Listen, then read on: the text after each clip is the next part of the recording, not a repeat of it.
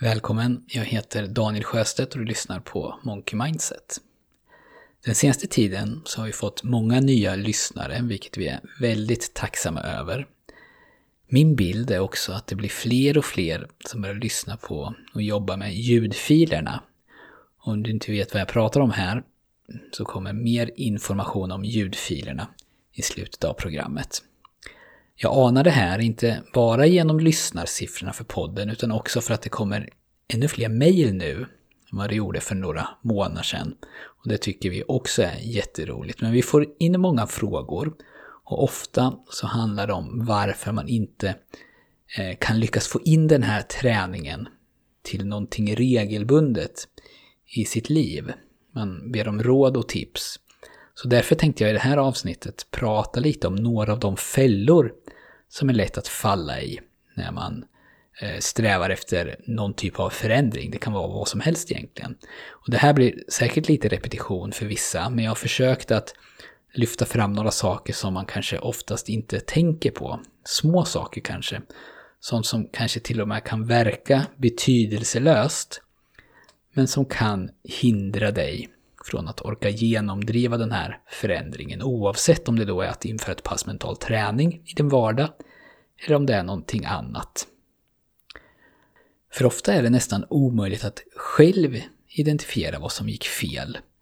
Eh, man vet ju att man vill och man har verkligen försökt men det funkar ändå inte. Och då är det lätt att tappa självkänslan och tro att det här beror på Eh, min unikt dåliga karaktär till exempel. Men här kommer nu några potentiella fällor som det inte talas så mycket om, i alla fall inte vissa av dem, och som kan vara svåra att upptäcka. Och de kommer eh, delvis från min egen erfarenhet som mental tränare, där jag har jobbat med personlig och yrkesmässig utveckling med många klienter och tar dem för vad de är. Det här är välmenande råd men det behöver inte på något sätt vara absoluta sanningar. Men om du ofta kommer igång men sällan fullföljer så kan det bero på att du fastnar på någonting av de här sakerna som jag kommer ta upp. Och den första punkten handlar om att du blir girig. De flesta vet ju numera att det bästa sättet för att införa nya beteenden är att starta smått. För förändring kostar mental och fysisk energi. Och genom att starta smått så kostar den så lite som möjligt. Och då ökar chanserna att det blir gjort. Men efter en tid med kontinuerlig framgång med den här approachen, då är det lätt att bli uttråkad för man tycker att det går så enkelt. Och då kan man kanske försöka börja att optimera. Man vill få ut mer resultat av den tid och den energi man lägger ner. Om man har haft som mål att bara få på sig löparskorna och ge sig ut och springa, då kanske man helt plötsligt nu börjar fundera på att eh, ta fram ett träningsprogram eller någon löpartidning eller köpa massa löparprylar, att man måste logga sin löpning i en viss app, etc.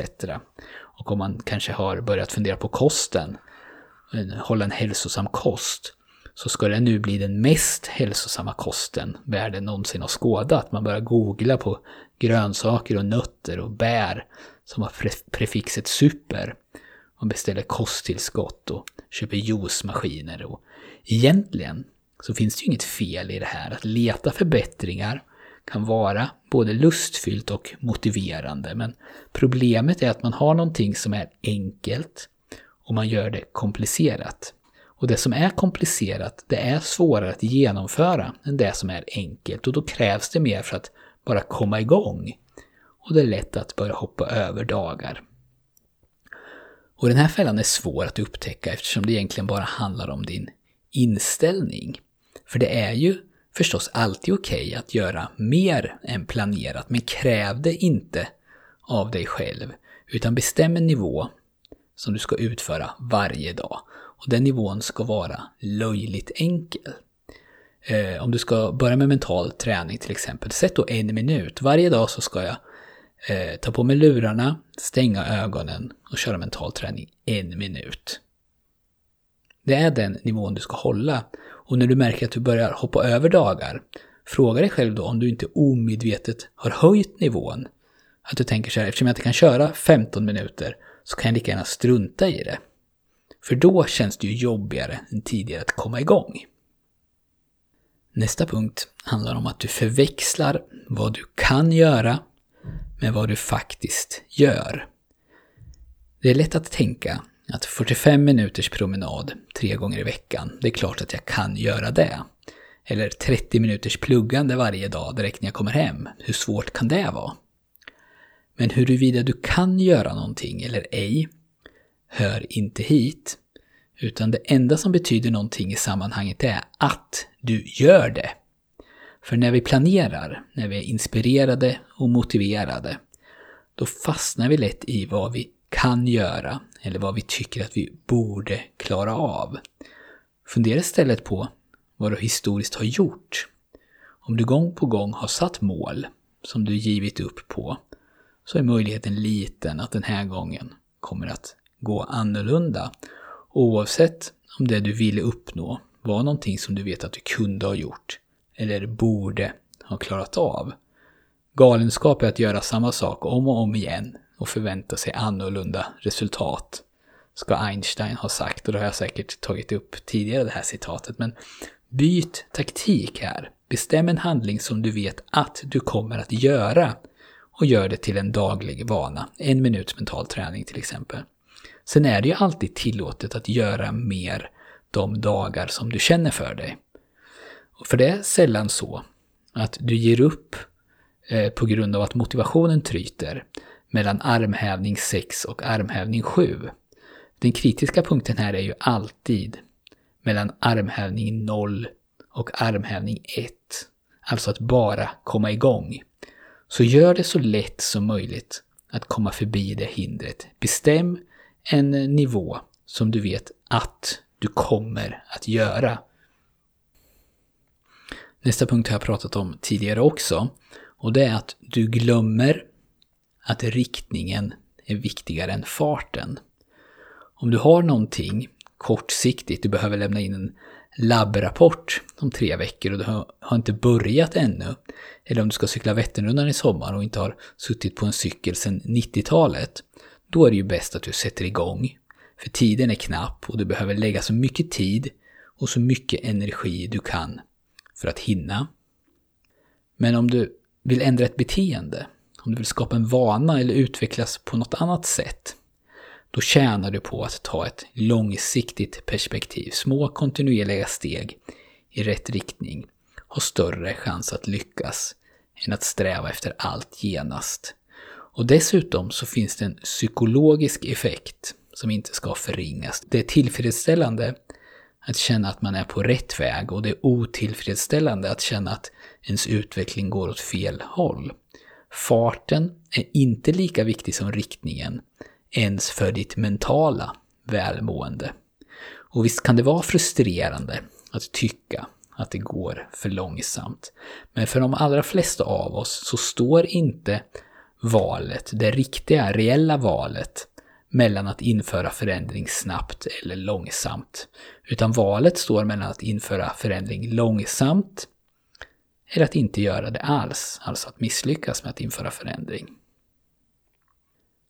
Nästa punkt är väldigt kort, men inte för det oviktig. Och det är att man sover för lite. Och här behövs egentligen inga kommentarer, för vikten av att få tillräckligt med sömn är otroligt underskattad. Och om man har gått omkring med eh, kronisk sömnbrist, som många gör, så kommer man märka en enorm skillnad på både energi, humör och allmänt välbefinnande om man tillåter sig själv att sova lite mer. Så testa en månad, sov en timme extra varje natt och se hur du mår. Och eh, eh, kusin med sömn skulle jag kunna säga att skärmtid är. Och det är nästa potentiella fälla. Om du sitter framför en skärm hela dagen och sen kommer hem och sätter dig framför en skärm igen så får du inte optimal återhämtning. Så är det bara. Då kan ditt humör påverkas och när vi blir tjuriga och trötta så är det lättare att vi inte mentalt orkar att bete oss så som vi vill eller så som vi har planerat. Och skärmtid är ett väldigt svårt ämne för det kan ju tolkas som att man är moralisk eller utvecklingsfientlig eller bakåtsträvande om man vill begränsa skärmtid. Och dessutom så har många av oss ett beroende som vi kanske inte vill låtsas om eller göra oss av med. Men ett tips här det är att införa en digital solnedgång. Alltså bestämma en tid då alla skärmar ska vara avstängda. Och här kan man också börja smått. Börja med att inte ha med dig mobilen i sängen. Sen när du klarar av det så lägger du ifrån dig den 10 minuter före sängdags. Och sen en halvtimme, och sen en timma och så vidare. Och fortsätter så till du når en nivå som du tycker är rimlig. Och för vissa så är det här, är det här en total icke-fråga och för andra är det ett potentiellt problem som behöver hanteras. Och precis som med fallet där med sömn så behöver fördelarna med ett liv med mindre skärmtid upplevas för att kunna uppskattas. Den sista fällan, det är en sån här slamkrypare, någonting som inte är så självklart och som många kanske inte tänker på, men som jag tror är väldigt viktig. Och det är att vi slutar att dokumentera när vi tycker att vi har misslyckats. Ett jättebra sätt att införa nya beteenden eller vanor det är att bocka av dem synligt i en app eller i en kalender. Så att man visuellt visar för sig själv att man har gjort det här x antal dagar i rad. Får man en slags kedja och när man lyckas få några bockar på rad då vill man inte bryta den här kedjan, kallas bland annat för Seinfeld-metoden. Och man kan ju också förstås ha en variant av träningsdagbok där man skriver ner vilka framsteg man, man får, vad man gör och vad man tänker på till exempel. Men ett vanligt misstag som görs med de här etablerade metoderna det är att de som använder dem slutar att dokumentera när det inte går som det ska. Sen river man ut sidorna i dagboken, träningsdagboken, eller så köper man en ny kalender och börjar om igen med ett tomt ark. Och genom att sluta dokumentera och börja om på noll igen så säger du till dig själv att du har misslyckats. Men missade dagar och tunga perioder, det är inte misslyckande, utan det är naturliga delar som med nära nog hundraprocentig sannolikhet, kommer att hända. Det är alltså en oundviklig del av processen. Och om du slutar att dokumentera när du missar en dag eller en vecka, då gör det omöjligt för dig själv att lyckas och bara genom din metod så garanterar du ett misslyckande. Men i själva verket så är det ju när du slutar att dokumentera eller bocka av som du misslyckas. Inte när det istället för en grön bock i kalendern blir ett rött kryss. Och det här kan verkligen låta som en fånig detalj. Vad spelar det för roll egentligen?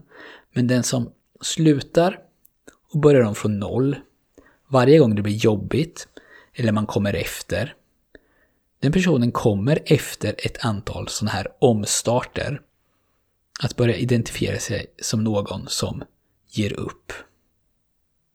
Men för den som fortsätter att dokumentera, även när man missar en dag, så kommer de där fyra missade dagarna efter ett tag bli ett litet, litet hack i en ständigt uppåtgående kurva. Och hon kommer då att börja identifiera sig som en sån som inte ger upp, utan som kämpar på även när det går emot.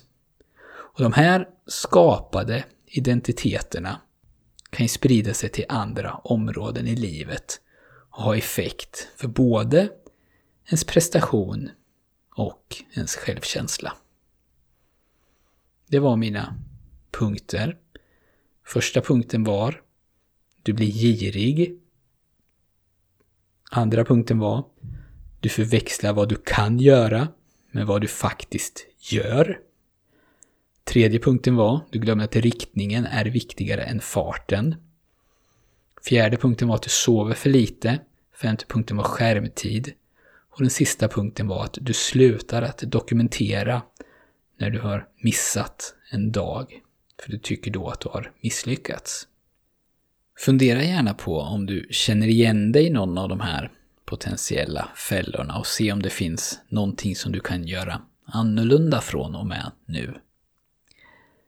Om du är nyfiken på mental träning så kan du få det som du behöver för att komma igång genom att bli medlem på Monkey Mindset. Och det blir du på vår hemsida, monkeymindset.se. Och då får du bland annat de här ljudfilerna som du kan träna med. Vi har gjort ett 30 dagars träningsprogram och det kostar ingenting.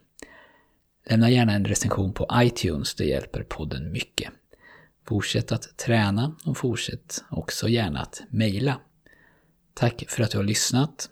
Om du vill så hörs vi snart igen.